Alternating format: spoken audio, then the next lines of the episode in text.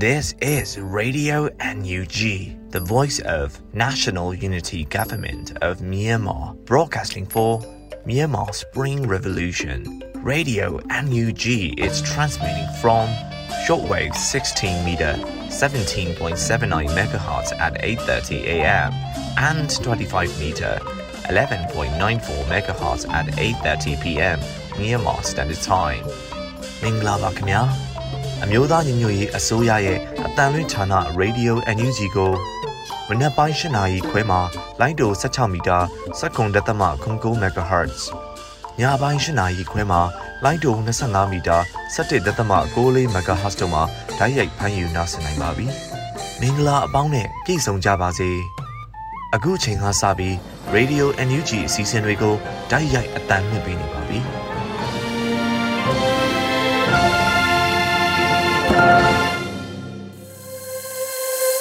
မြန်မာနိုင်ငံသူနိုင်ငံသားအပေါင်းတဘာဝပြီးဆရာနာရှင်ပြည်တို့ကနေကင်းဝေးပြီးကိုစိတ်နှပါပေးကင်းလုံခြုံကြပါစေလို့ Radio NUG ဖွယ်သားများကဆုတောင်းမြတ်တာပို့သလိုက်ရပါတယ်။အခုချိန်ကစပြီး Radio NUG ရဲ့ပြည်တွင်းသတင်းများကိုတော့ Airy ကဖတ်ကြားတင်ပြပေးမှာဖြစ်ပါတယ်ရှင်။မင်္ဂလာပါရှင်အခုချိန်ကစပြီးတော့ Radio NUG သတင်းတွေကိုတင်ပြပေးတော့မှာဖြစ်ပါတယ်။ အခုတင်ပြပေးမယ့်သတင်းတွေကိုတော့ Radio NUG သတင်းတာဝန်ခံနေနဲ့ခိုင်လုံတဲ့မိဖက်သတင်းအရင်းမြစ်တွေကနေပြီးတော့ခြေခံတင်ပြထားတာဖြစ်ပါတယ်။ကျွန်မကတော့ Airy ပါရှင်။ပြင်သစ်လွှတ်တော်နှစ်ရက်လုံးကအမျိုးသားညီညွတ်ရေးအစိုးရကိုသာအတိမတ်ပြုတယ်လို့ဆုံးဖြတ်လိုက်တဲ့သတင်းကိုအရင်ဆုံးတင်ပြပေးချင်ပါတယ်။ပြင်သစ်အောက်လွှတ်တော်မှာမြန်မာအရေးနဲ့ပတ်သက်ပြီးတော့ဆိုပြချက်ကိုဆွေးနွေးခဲ့ကြရမှာအမျိုးသားညီညွတ်ရေးအစိုးရကိုသာအတိမတ်ပြုဖို့ဆုံးဖြတ်ခဲ့တဲ့အတွက်ပြင်သစ်လွှတ်တော်နှစ်ရက်လုံးကအမျိုးသားညီညွတ်ရေးအစိုးရကိုအတိမတ်ပြုလိုက်ပြီးဖြစ်ပါတယ်။ အမျိုးသားညီညွတ်ရေးအစိုးရလူ့အခွင့်အရေးဝန်ကြီးဌာနပြည်ထောင်စုဝန်ကြီးဦးအောင်မျိုးမင်းကမနေ့ကလုပ်ခဲ့တဲ့ပြင်သစ်အောက်လွှတ်တော်အစည်းအဝေးမှာကိုယ်စားလှယ်58ဦးကမြမအရေးအတွက်မဲပေးခဲ့ကြပြီးတော့အားလုံးကထောက်ခံမဲပေးခဲ့ကြတယ်လို့ဆိုထားပါတယ်။ဒါ့အပြင်အကြံဖက်စစ်ကောင်စီကိုလုံးဝအသိမှတ်မပြုဘဲပြည်သူရွေးချယ်တင်မြှောက်ထားတဲ့ကိုယ်စားလှယ်တွေကိုသာအားပေးထောက်ခံမှာဖြစ်တယ်လို့လည်းဆိုထားပါတယ်။ ဒီကနေ့ဆုံးဖြတ်ချက်မှာအကြံဖက်စစ်ကောင်စီကိုလုံးဝအသိမှတ်မပြုကြောင်းပြည်သူရွေးချယ်တင်မြှောက်ထားတဲ့ကိုယ်စားလှယ်တွေကိုသာအားပေးထောက်ခံသွားမှာဖြစ်ကြောင်းဆုံးဖြတ်ခဲ့ကြပါတယ်။ဒီလိုဆုံးဖြတ်ချက်ကိုပြင်သစ်အထက်လွှတ်တော်မှလည်းချပြီးပါပြီအခုလိုအထက်လွှတ်တော်ရောအောက်လွှတ်တော်ရောစစ်ကောင်စီကိုလုံးဝအတိမတ်မပြုကြောင်းပြပြသားသားဆုံးဖြတ်ခဲ့တာကိုကြည့်ရင်ပြင်သစ်လွှတ်တော်နှစ်ရက်လုံးရဲ့မြန်မာနိုင်ငံဒီမိုကရေစီအတွက်ရည်တည်မှုကိုထင်ထင်ရှားရှားမြင်နိုင်ပါတယ်လို့ Facebook မှာရေးသားထားခဲ့တာပါ ဒါအပြင်ဆွေးနွေးသွားကြတဲ့အောက်လွှတ်တော်အမတ်အများစုကလည်းအမျိုးသားညီညွတ်ရေးအစိုးရသာမြန်မာပြည်သူတွေရဲ့အစိုးရဖြစ်တယ်ဆိုတာနဲ့ NUG ကိုသာတရားဝင်အစိုးရဖြစ်အတိမတ်ပြုတယ်လို့ဝိုင်းဝန်းတိုက်တွန်းပေးခဲ့ကြတာကိုလည်းတွေ့ရပါတယ်။မြန်မာပြည်သူတွေရဲ့မြန်မာဒီမိုကရေစီပြန်ရရေးအတွက်စ조사နေမှုတွေကိုအသိမှတ်ပြုကြောင်းလည်းပြောဆိုသွားခဲ့ကြတာပါရှင်။ဆက်လက်ပြီးတော့ဘာလင်မျိုးကစစ်တမ်းမှုရုံးကိုဂျာမနီအစိုးရကပိတ်ပစ်လိုက်တယ်ဆိုတဲ့သတင်းကိုတင်ပြပေးပါအောင်မယ်။ ဂျာမနီနိုင်ငံဘာလင်မြို့မှာရှိတဲ့အကြံဖက်စစ်ကောင်စီစစ်တမ်းမှုဗိုလ်မှူးချုပ်အောင်ကျော်မိုးနဲ့သူ့လက်အောက်လူ၄ဦးဟာဖေဖော်ဝါရီလ24ရက်နေ့မှာဂျာမနီနိုင်ငံကနေထွက်ခွာသွားရပြီလို့သိရပါဗျ။အာနာသိမ်းပြီးနောက်ပိုင်းပြည်ပရောက်မြန်မာတွေရဲ့တက်ကြွတဲ့လှုပ်ရှားမှုနဲ့အတူအကြမ်းဖက်စစ်အုပ်စုကိုဆက်ဆံရေးတွေရပ်တန့်မှုနဲ့တန်ယုံတွေပိတ်ပစ်ဖို့ဖိအားပေးတောင်းဆိုနေခဲ့ကြတာဖြစ်ပါတယ်။ဂျာမနီနိုင်ငံမှာလည်းစစ်ကောင်စီလက်အောက်ကစစ်တန်ယုံတွေကိုပိတ်ပစ်နိုင်ရေးအတွက် German Solidarity with Myanmar Democracy EV အဖွဲ့ကဦးဆောင်လှုပ်ရှားခဲ့တာဖြစ်ပါတယ်။ ၁၂လတာကာလအတွင်းမှာစစ်တန်ယုံရှိဆန္ဒထုတ်ဖော်တာအပါအဝင်ဂျာမနီနိုင်ငံလွှတ်တော်တွေက Democratic Party ကိုယ်စားလှယ်တွေကိုတိုက်တွန်းတာနဲ့မီဒီယာတွေကတဆင့်ဖိအားပေးတာတွေပါပြုလုပ်ခဲ့ကြတာပါ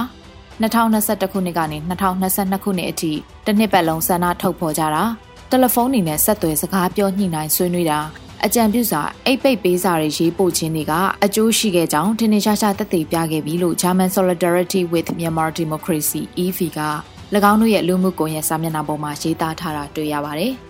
စစ်တပ်ကအာဏာသိမ်းပြီးနောက်ပိုင်းစစ်တမ်းရုံးတွေကိုရုပ်သိမ်းမှုနိုင်ငံတချို့မှာလှုပ်ရှားမှုတွေရှိခဲ့ပြီးတော့အခုလိုစစ်တမ်းရုံးပိတ်သိမ်းခံရတာဂျာမနီကပထမဆုံးဖြစ်တယ်လို့လည်းသိရပါတယ်။အာဏာသိမ်းအုပ်စုကစစ်တမ်းမှုကိုအရင်ကဗီဇာ3လပေးခဲ့ရကနေတလအထိရှော့ချခဲ့ပြီးနောက်ပိုင်းအခုလိုမျိုးဗီဇာထပ်မပေးတော့ဘဲနှင်ထုတ်ခံလိုက်ရတာဖြစ်ပါတယ်။ မိမိနိုင်ငံသူနိုင်ငံသားတွေကိုအကြမ်းဖက်ဖိနှိပ်နေတဲ့မြန်မာစစ်အာဏာရှင်ကိုကိုစားပြုနေသူဂျာမနီနိုင်ငံမှာရှိနေတယ်ဆိုတာဒီနေ့ကစပြီးတော့မရှိနိုင်တော့ပါဘူးဂျာမနီနိုင်ငံဘာလင်မြို့မှာနေထိုင်ရုံးဆိုင်တဲ့မြန်မာစစ်တပ်မှုဗိုလ်မှူးချုပ်အောင်ကျော်မိုးနဲ့စစ်သား၄ဦးတို့ဟာ2022ခုနှစ်ဖေဖော်ဝါရီလ24ရက်နေ့မှာဂျာမနီနိုင်ငံကနေထွက်ခွာသွားပြီဖြစ်တယ်လို့ German Solidarity with Myanmar Democracy EV ကသတင်းထုတ်ပြန်ပါတယ်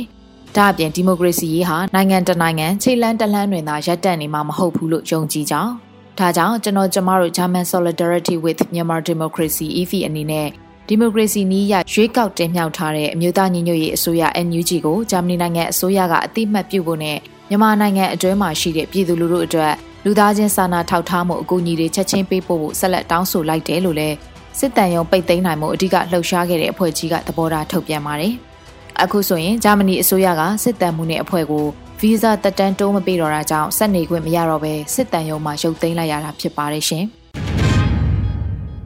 အခုဆက်လက်ပြီးတော့ပူတာအိုမှာစစ်ဘေးရှောင်ပြည်သူတွေအရေးပေါ်အကူအညီလိုအပ်နေတဲ့သတင်းကိုတင်ပြပေးပါမယ်။ကချင်ပြည်နယ်ပူတာအိုမြို့နယ်စွမ်ပီယန်ကျေးရွာကိုစစ်ကောင်စီကတိုက်လေရင်နဲ့နှစ်ကြိမ်ဘုံလာကျဲခဲ့ပြီးတဲ့နောက်ပိုင်းမှာဒေသခံတထောင်ကျော်ဟာစစ်ဘေးလွတ်ရာတောတောင်နေတဲ့ကိုထွက်ပြေးနေကြရပြီးအခုအခါမှာတော့စံတဲ့အခြေခံစားတောက်ကုန်တွေအရေးပေါ်အကူအညီလိုအပ်နေတယ်လို့ဒေသခံတွေထံကနေသိရပါတယ်။ ရွာကလူတွေအကုန်လုံးဒုက္ခရောက်နေပြီအခုကစားဖို့တောက်ဖို့ကအကုန်အရေးပေါ်လိုအပ်နေတယ်ရွာကလူတွေကတခါတလေကြတော့အိမ်မှာလာပြီးဆက်နေပါလေလာယူတာအခုတော့လာမယူရဲကြတော့ဘူးစပားလည်းမကြိတ်ရဲကြတော့ဘူးစံစားဖို့နဲ့ထမင်းဟင်းကနည်းနည်းအရေးတကြီးလိုအပ်နေတာလို့စွန်ပီယန်ကျေးရွာကတာဝန်ရှိသူတအုပ်ကပြောပါတယ်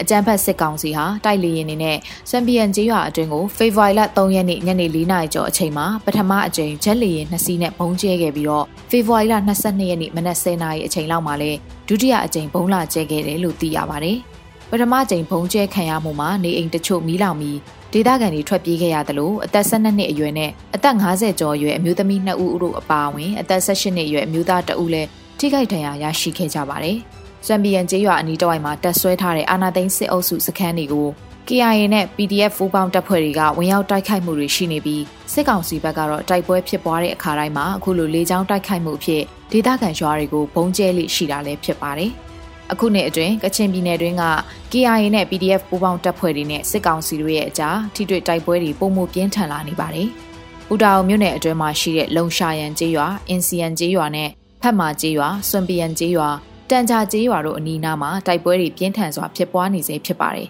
။တိုက်ပွဲတွေနဲ့စီးရဲတင်းမာမှုတွေကြောင့်ဒေသခံရွာသားတွေက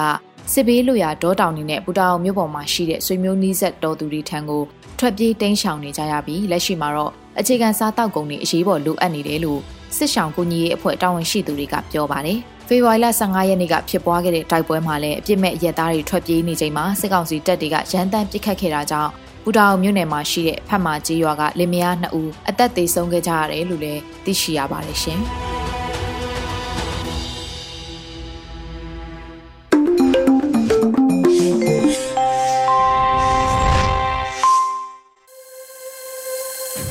ဗီဒီယိုအန်ယူဂျီရဲ့ညပိုင်းစီစဉ်တွေကိုဆက်လက်တင်ပြနေပါတယ်။အခုဆက်လက်ပြီးကြပြကဏ္ဍမှာနှွေဦးသွုံးမဲ့မော်ကွန်းတင်းလို့အမည်ရတဲ့ကြပြကိုမြင့်မင်းတာကရေးဖွဲ့ထားပြီးတော့ မောင်သိန်းကလွတ်ဖက်ထားပါတယ်ရှင်။လွေဦးသွမဲ့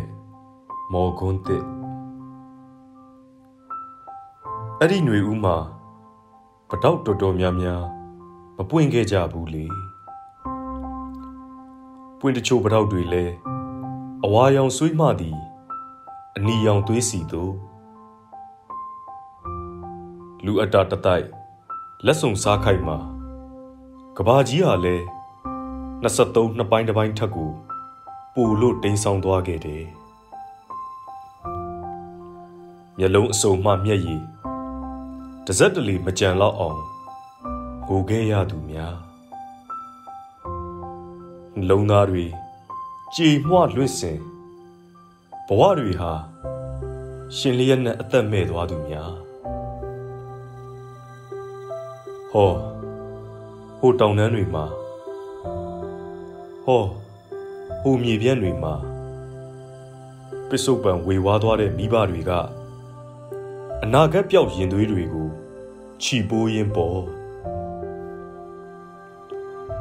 ကြသွားတဲ့စိတ်ဓာတ်တွေကမြေအမာနဲ့ရိုက်ခတ်အမြင့်ဆုံးစီပြန်တက်ကြပြီမတိုင်ပင်ပဲတန်ပေါင်းများစွာသောရင်ဘတ်တွေထဲမှာတူညီသွားတဲ့ဆုံးဖြတ်ချက်က တော်လှန်မှရတော့မယ်တဲ့တဖို့ဟန်ပြင်လာသူတွေကိုမတက်ခင်တေပြလိုက်တဲ့ရဲရင်စာနီတွေငရေခမ်းအချင်းထောင်တွေတဲ့ခြေလန်းကျဲကျဲနဲ့ဝင်သွားတဲ့သူရဲကောင်းတွေမိုင်းညို့တောင်တန်းတွေနဲ့တောကြီးမြက်မဲတွေတဲ့တေမင်းနဲ့ထွေခင်းခဏတာဧည့်သည်တွေရဲ့ သောသောညံဘဲညာဘဲညာစစ်ကြည်တန်းတွေကပြည်တော်ဝင်နမိတ်တွေနဲ့ပေါ့ဈေးဦးမပေါက်လို့ပျော်တဲ့ဈေးတယ်မြမပြည်မှာရှိတယ်တော်ရောမြို့ပါမကြံအားလုံးကိုငြိမ်ခိုင်းလို့ရတာ21ရာစုကြီးမှာငါတို့တနိုင်ငံထဲသာရှိတယ်ဟဲ့လို့ကဘာကိုကြွေးကြော်ခဲ့ပြီ စိုးရိမ်စောင့်ကြည့်တောင်းဆိုနေတဲ့ကဘာကြီးလဲငါတို့အတွက်သူခမရရတမအေးရရှာငါတို့ကတော့ကိုလန်းကိုဖောက်ကိုစခန်းကိုရောက်ခဲ့ပြီလောကပါလာစစ်တလင်းမှာစစ်မိတ်စာဏီကုန်း22မှာအဆုံးသတ်လို့အောင်ပွဲရဲ့တေးတံတွေຫນွေဦးရဲ့ကောင်းကင်ရံမှာဝဲလို့ပြန် ဘဝညံလို့မြင်မင်းသား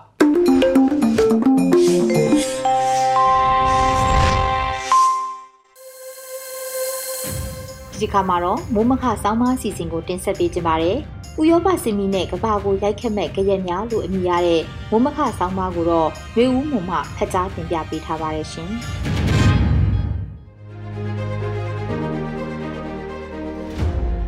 ဥရောပစစ်မီးနဲ့ကမ္ဘာကိုရိုက်ခတ်မဲ့ကြရက်များယူကရိန်းနိုင်ငံကိုရုရှားကျူးကျော်ဝင်ရောက်တဲ့စစ်ပွဲရဲ့တက်ရောက်မှုကကမ္ဘာနိုင်ငံအသီးသီးစီရောက်ရှိမှမလွဲပါဘူး။စီးပွားရေးအရနိုင်ငံရေးအရာနယ်မြေအရကုန်သွယ်မှုပိတ်ဆို့တဲ့တက်ရောက်မှုအရာနဲ့ကမ္ဘာအရေးအာရုံစိုက်မှုမဟာဗျူဟာအရာစသဖြင့်တနည်းမဟုတ်တနည်းနဲ့တက်ရောက်မှုရှိလာမှသိကြပါတယ်။မြန်မာနိုင်ငံလည်းအဲ့ဒီလိုတက်ရောက်မှုတွေထဲပါဝင်တဲ့နိုင်ငံတစ်နိုင်ငံဖြစ်ပြီး လက်ရှိဆီယာနာသိမ်းထားတဲ့စစ်ကောင်စီကရုရှားရဲ့ကျူးကျော်ဝင်ရောက်မှုကိုထောက်ခံတယ်လို့သတင်းဖော်ပြမှုတွေအရသိရပါတယ်။နိုင်ငံရေးအရမြန်မာဒီမိုကရေစီအရေးကိုဘလို့တက်ရောက်စေမလဲဆိုရင်မြန်မာဒီမိုကရေစီအရေးကိုထောက်ခံအားပေးကြတဲ့အမေရိကန်ပြည်ထောင်စုနဲ့အနောက်ဥရောပနိုင်ငံတွေအဖို့ယူကရိန်းအရေးကိစ္စကိုအထူးအာရုံစိုက်ရမယ့်အခြေအနေရောက်လာသလို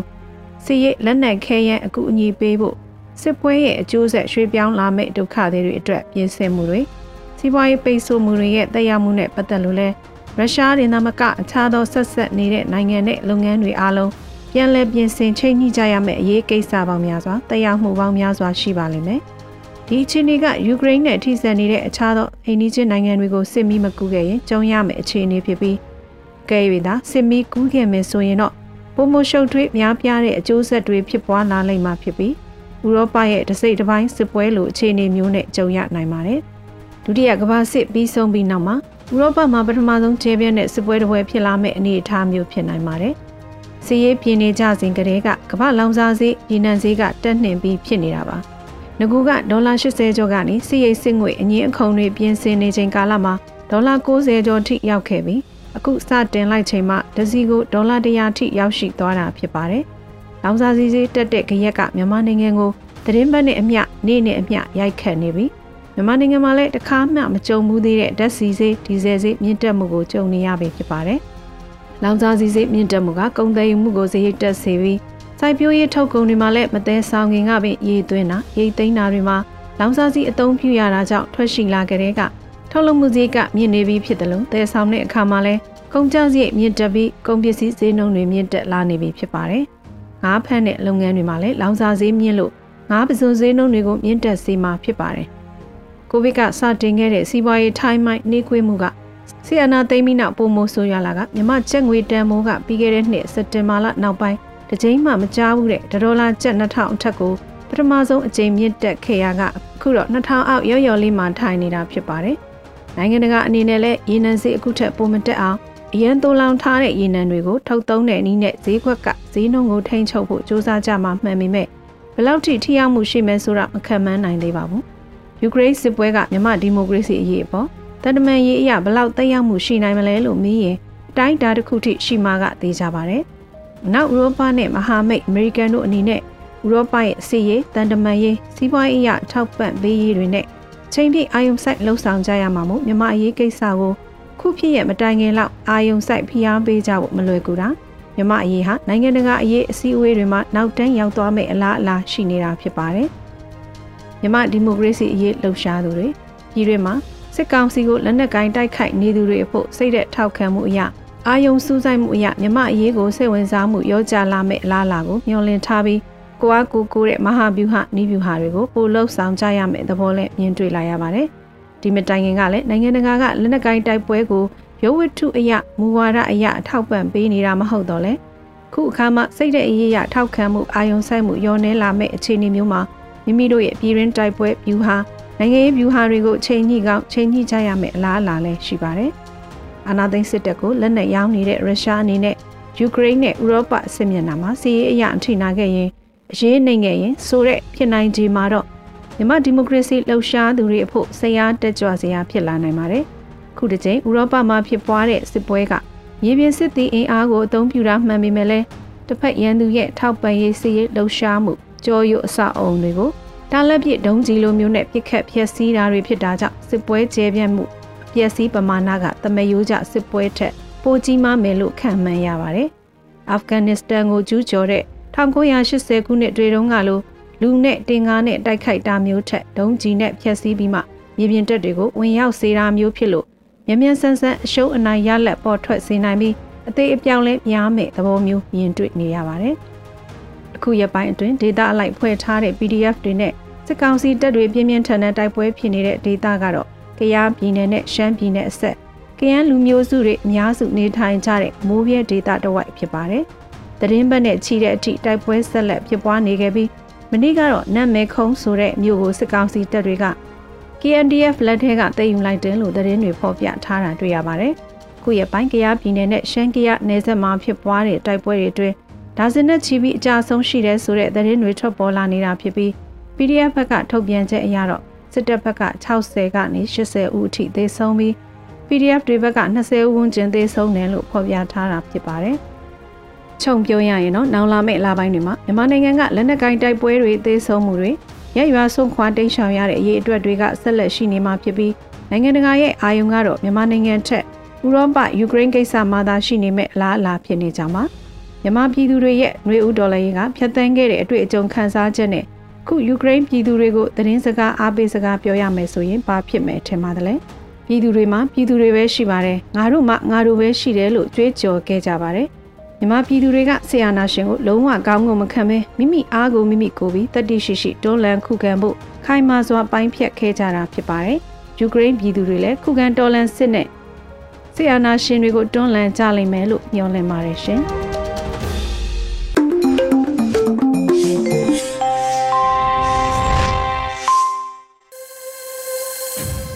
ရေဒီယိုအန်ယူဂျီရဲ့ညပိုင်းစီစဉ်တွေကိုဆက်လက်တင်ပြနေပါတယ်။ဒီညရဲ့တော်လှန်ရေးတိဂီတာအစီအစဉ်မှာတော့တားမက်ရှင်အောင်တီဆိုထားတဲ့ပြည်သူတက်တော်လို့အမည်ရတဲ့တော်လှန်ရေးတိဂီတာကိုနားဆင်ကြရတော့မှာဖြစ်ပါတယ်ရှင်။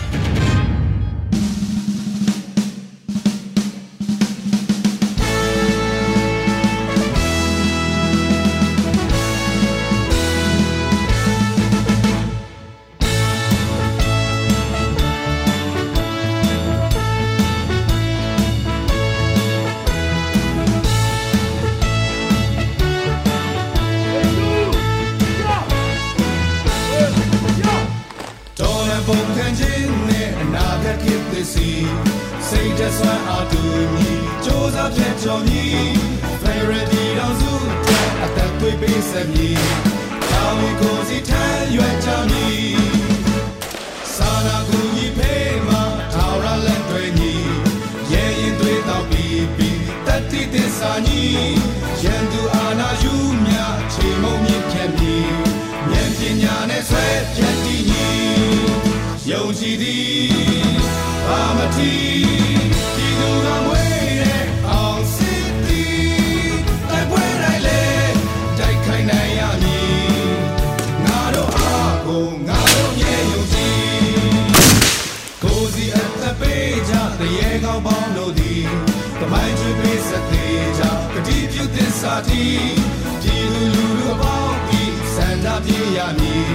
နိုင်ငံတော်ကိုထုတ်စစ်ကြမည်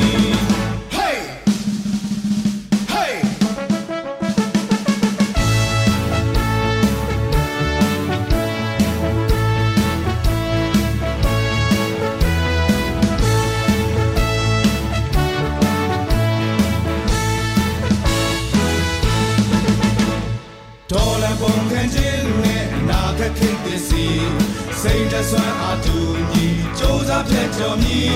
ဖရရပြည်တော်စုအတွက်အသက်သွေးပေးဆက်မီတာဝန်ကိုစီထမ်းရွက်ကြမီစာနာကူညီဖေးမှာထာဝရလက်တွဲညီရဲရင်သွေးတော့ပြီးပြီးတတိသစ္စာညီရန်သူအာနာယူမြချေမုံကြီးဖြစ်မီဉာဏ်ပညာနဲ့ဆွဲဖြတ်တည်ညီယုံကြည်သည်ဘာမထီ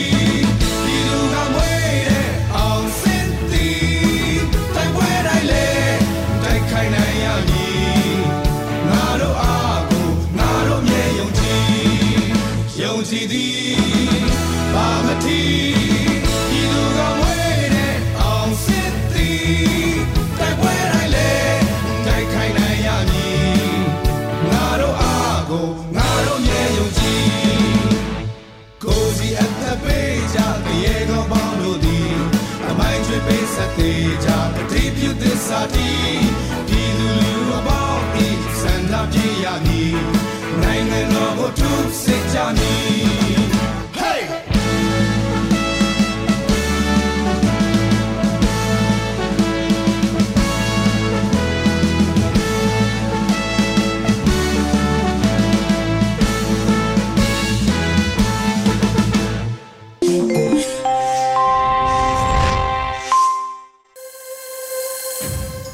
ရေဒီယိုအန်ယူဂျီမှာဆက်လက်တင်ပြနေပါတယ်။အခုတစ်ခါမှာတော့အောင်နေမျိုးတင်ဆက်ထားတဲ့တက်ပြက်လူလူဖိုတက်ပူတယောစာအပိုင်း35ကိုတင်ဆက်ပြီးတော့မှာဖြစ်ပါတယ်ရှင်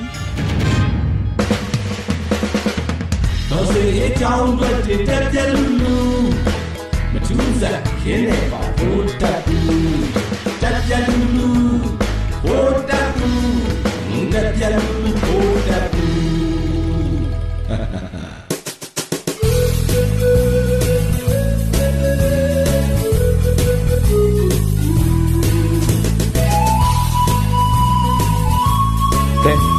တက်နိုင်သေးလဲမသားကောင်ကျင်စုပ်ကိုတက်မှုတို့အဆက်တွေပြန်ပြန်ကွဲရပြန်ပြီလေဂျာမနီဆိုကဘာလင်ကမြန်မာစစ်ကောင်စီစစ်တပ်မှုရုံးကိုဒီလ23ရက်နေ့နောက်ဆုံးထားပြီးတော့ပိတ်ဖို့ညွှန်ကြားလိုက်ပြီတဲ့စစ်တပ်မှုကိုအရင်ကဗီဇာ3လပေးခဲ့ရာကနေတစ်လပဲပေးတော့မယ်နောက်ဗီဇာထပ်တိုးပေးဖို့မရှိတော့ဘူးတဲ့လေအဲ့တော့နှင်ထုတ်လိုက်ပြီတဲ့ဒါကအစပဲရှိသေးတယ်နောက်ထပ်လာမယ့် EU နိုင်ငံတွေကလည်း ဒီလောက်တောင်ကိုယ့်ပြည်သူတွေကိုရက်ရက်ဆက်ဆက်တပ်ဖြတ်မီးရှို့နေတဲ့စစ်အာဏာရှင်ယူစစ်ခွေးတက်တိုက်ကို EU မြေကနေအပြီးတိုင်မောင်းထုတ်လိုက်တော့မှ ਨੇ ပြဿနာတွေရဲ့အရင်းမြစ်အစကဗိုလ်တပ်ဘူးပဲဝင်ပြူဖះကိုနာမည်ပြောင်းတယ်ဗျာဗိုလ်တပ်ဘူးဆိုတဲ့ကောင်ကလည်းသူစွမ်းစွမ်းတမန်လှုပ်တက်တာဆိုလို့နာမည်ပြောင်းတာတခုပဲရှိတာ哦အဲ့ဒါကစတာပဲအင်းခွက်ကိုတပြေခဲနဲ့ရိုက်တာကနေရှော့ဖြစ်တော့တာပဲ အင်းကအခန့်အင်းနဲ့လူကကံမြင့်တမာရီအားကောင်းချမ်းသာချမ်းသာနေတဲ့ချိန်ရှေးဝစ်တွေခြေဖို့အတွက်ခံနဲ့သုံးတဲ့အင်းအခုတော့ကံနှိမ့်နေတဲ့ဘူတက်ပုကဂန္ဒီကန္နာနဲ့အင်းကိုပါဝါသွားတင်တာလေအခုသူပါဖင်ဆုပ်ရောပဲ A5A နဲ့ထိုးစိုက်တာကလည်းဘူတက်ပုရဲ့အင်းအစွမ်းကြောင့်ပဲဖြစ်ရမယ်အဲ့ဒါဆိုလို့ရှိရင်ဘူတက်ပုကဖဲသီးများလားတော့မသိဘူးပြက်ကြတဲ့ကောင်ကလည်းနန်းချောင်း A5 Made in China Pakistan မှာ 2017ဘင်္ဂလားမှာ2015တရုတ်မှာ2019ကလေးကအနာပေးထားတဲ့ဟာတွေစုပ်ဟောင်းစုပ်ပြက်နေတဲ့အဟောင်းဈေးတွေကနေမှဝယ်သုံးထားတဲ့ဟာတွေလေရှော့သွားတဲ့ငတိကလည်းပေမနာမည်ကြီးတဲ့ဇာတာရှင်ဖြစ်နေတာဟုတ်ဂိုက်စပေါရောယူပါရောကလေကျုပ်ပြုတ်မောင်မောင်ကျော်နဲ့အတော်စင်ဆိုပဲမောင်မောင်ကျော်ကလည်းဟိမ့်ဆိုတဲ့သားတစ်ကောင်ရှိတဲ့အခုရှော့သွားတဲ့သူကလည်းမယငယ်သားဆိုပဲဘဲကြီးကကလေးတွေမွေးရင် ခွေးမွေးသလိုမျိုးပဲပါပီကြီးပဲနာမည်ပေးသလိုမျိုးပေါ့ဘဲဥကပဲပေါက်ပေါက်သူသားဆိုဟိမ့်မဲမဟုတ်မဟတ်တွေဖြစ်ပေမဲ့ကြံခဲ့တဲ့ကံကန်ရှင်တွေကတက်သေးခြင်းတွေရောမယ်လရာကသူများအိုးအိမ်ဖြက်စီးလူတက်ဖို့ကြိုးစားရင်ဂိသွားတော့ကြတော့တစ်မျိုးလုံးတိတ်ခါပါရေစုံမျောယုံမကဘူးရေတိမ်မှာနေရရှာပြီလေလေရင်မူးတွေအနေနဲ့နောက်နောင်ဆိုလို့ရှိရင်လေရင်ပြက်ကြတော့မယ်ဆိုလို့ရှိရင်ထိုးဆင်းရပြီဆိုရင်စေတနာနဲ့အကြံတစ်ခုတော့ပေးလိုက်ခြင်းတယ်ဗျာ နေပြည်တော်ကဘူတက်ပုအိမ်မော်တဲ့တဲ့တာထိုးဆင်းချလိုက်ပြီတော့သေရမှချင်းအတူတူကြံရစ်ခဲ့တဲ့မိသားစုတွေကိုလည်းပြည်သူကဆွေစင်မျိုးဆက်ဂုံပြုတ်ခံရအောင်လုပ်ပေးသွားလိုက်လေမဟုတ်ဘူးဆိုလို့ရှိရင်အခုလိုမျိုးကိုယ်လဲသေရတယ်မိသားစုလည်းမျက်နှာငဲရသေးတပြီလုံးကလည်းဝိုင်းလောင်တာကိုအချိန်ချင်းခံရသေးတယ်ဗျာအဲ့တော့အခါခါသေးနေရတာမတန်ဘူးပေါ့လေရင်မပြတ်ဖဲတမင်ထိုးစင်ရင်ဆင်းလို့ရတယ်ဆိုတာကိုကိုလူတို့သတိပေးပြစီဗျာဒိတ် မော်ဘီလေစိတ်ကဌာနချုပ်ကဒေါ်လာ15သန်းတန်ရုရှားလေရင်နှစ်စင်းကို People Force ရန်ကုန်ကဖောက်ခွဲပစ်ခဲ့တယ်ဗျာပြည်သူတွေရဲ့ရက်ရွာအိုးအိမ်တွေကိုဘုံကျဲတိုက်ခိုက်နေတဲ့ဖိုက်တာဂျက်လီစင်နှစ်စင်းကိုဘုံစင်ပြီးအဝေးထိန်ဘုံနဲ့ဖောက်ခွဲလိုက်တာပဲရွှေလိုဥထားတဲ့ရန်သူရဲ့ဗဟိုချက်ကိုဝင်ကျွေးပလိုက်တာပဲဗျာဘလောက်ရင်းရင်လိုက်ကြသလဲမင်းအွန်လိုင်းကျင်ဆိုးဘူတက်ပုရဲ့လေတက်မှာဖျဲသီးတွေများလာတာတော့သိကြတယ်လေတက်မှာတာဝန်ကျနေတဲ့အရာရှိ တထောင်ကျော်နဲ့အခြားအဆင့်9000ကျော်စုစုပေါင်း1000ကျော်ရဲ့ကိုရေးအချက်လက်တွေကိုမြေပြင်တက်မှုတွေစစ်စင်ရေးအချက်လက်တွေကို Facebook ပေါ်မှာတက်လာတာလားကြည့်တော့လေဒါဟာဖျဲသီးများလာလို့ပဲဟောဟိုနေ့ကလည်းမိုးပြဲက PDF လေးတွေအတွက်စစ်လက်နက်ပစ္စည်းတွေကိုရဟတ်ရင်နဲ့လာချပေးသွားတယ်ဗျာဂျက်ဖာ၄ဖာနဲ့83မမဘုံသီးကြီးတွေ96လုံးနဲ့ခွင်းကြီးတွေမနေ့ပိုင်းမှာ6နာရီ30မိနစ်မှာကောင်းမွန်စွာလက်ခံရရှိကြောင်းနဲ့ဒေတာကန် ပြည်သူတော်လှန်ရေးတပ်ဖွဲ့များကကျေးဇူးတင်ပါကြောင်းလေကျုပ်တစ်ထုံးအောင်ကိုပြောပေးကြပါခင်ဗျာလေကျုပ်ယာရုကနတ်ကြီးတယ်ဗျ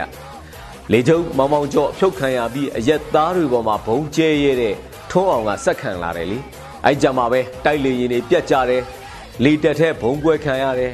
အဲယာဒရုံမှချပြီးတော့ PDF တွေကိုလက်နက်တွေအလှပေးတယ်ဗျာထုံးအောင်ကတော့မျက်ခုံးလှုပ်နေလောက်ရောပေါ့ဗျာ ဂျိုကုတ်ကြီးမောင်မောင်ကျော်ကိုစစ်ကောင်စီအဖွဲ့ဝင်နေနဲ့ဆက်ထားတယ်ဆိုပြီးအစည်းအဝေးတောင်အတက်မခံတော့ဘူးဆိုပဲနေအကျယ်ကျုပ်ဖြစ်နေလားတော့မသိဘူးဗျာမင်းအွန်လိုင်းအတွက်ကတော့အခြေအနေမကောင်းလေစစ်ဘက်ကတယောက်ပြီးတယောက်လဲဖြုတ်ထုတ်တတ်မှန်လုံးမှပဲအဲ့တော့ဟိုလူတွေကလည်းစားရမလားဆိုပြီးတော့ဇက်ထဲလိုက်ခါမှနှဲကြီးတက်နေမိတဲ့သူတွေဖြစ်လို့နေပြီဗျာမင်းအွန်လိုင်းဘိုးတက်ပုရဲ့အခုအကွက်က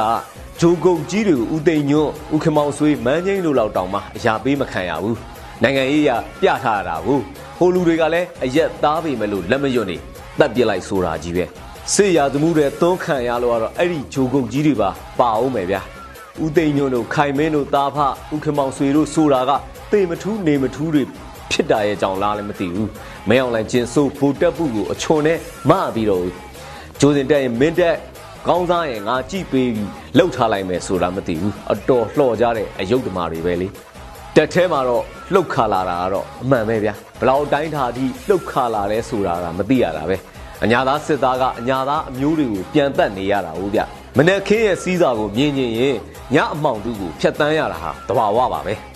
ငါတို့ကတော့အမောင်တူတွေကိုမလွှမ်းခင်ညနေစီးစာကလေးကအမောင်တူကိုဖျက်ဖို့အာယူနေရတယ်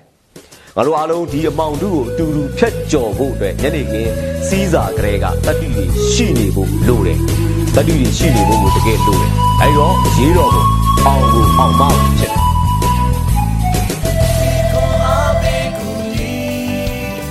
ဒီကပြည်သူများရှင်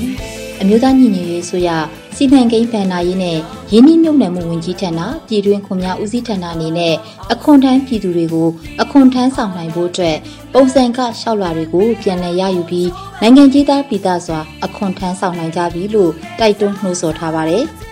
ပြည်သူများအနေနဲ့လည်း https://ird.nug-mm.net ကိုနှ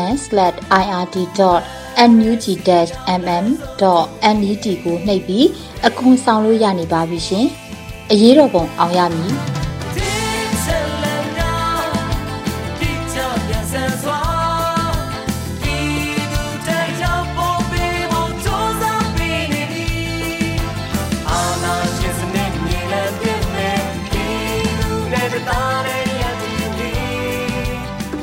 နေ့ကတော့ဒီညနေပဲ Radio NUG ရဲ့အစည်းအဝေးကိုခਿੱတရနာလိုက်ပါမယ်မြန်မာစံတော်ချိန်မနက်၈နာရီခွဲနဲ့ည၈နာရီခွဲအချိန်တွေမှာပြန်လည်ဆုံးဖြတ်ကြပါစို့ Radio NUG ကိုမနက်ပိုင်း၈နာရီခွဲမှာလိုင်းဒို16မီတာစက္ကန့်တသမ9 MHz ညပိုင်း၈နာရီခွဲမှာလိုင်းဒို25မီတာ17သမ6 MHz တို့မှာဓာတ်ရိုက်ဖမ်းယူနားဆင်နိုင်ပါပြီမြန်မာနိုင်ငံသူနိုင်ငံသားများကိုယ်စိတ်နှပြကျန်းမာချမ်းသာလို့ဘေးကင်းလုံခြုံကြပါစေလို့ Radio NUG အဖွဲ့သူအဖွဲ့သားများကဆုတောင်းလိုက်ရပါတယ်။အမျိုးသားညီညွတ်ရေးအစိုးရရဲ့စက်သွေးရေးတရင်အချက်အလက်နဲ့ဤပညာဝန်ကြီးဌာနကထုတ်လွှင့်နေတဲ့ Radio NUG ဖြစ်ပါတယ်။ San Francisco Bay Area အခြေစိုက်မြန်မာမိသားစုများနဲ့နိုင်ငံတကာကစေတနာရှင်များလုပ်အားပေးများရဲ့ Radio NUG ဖြစ်ပါတယ်။အရေးတော်ပုံအောင်ရမည်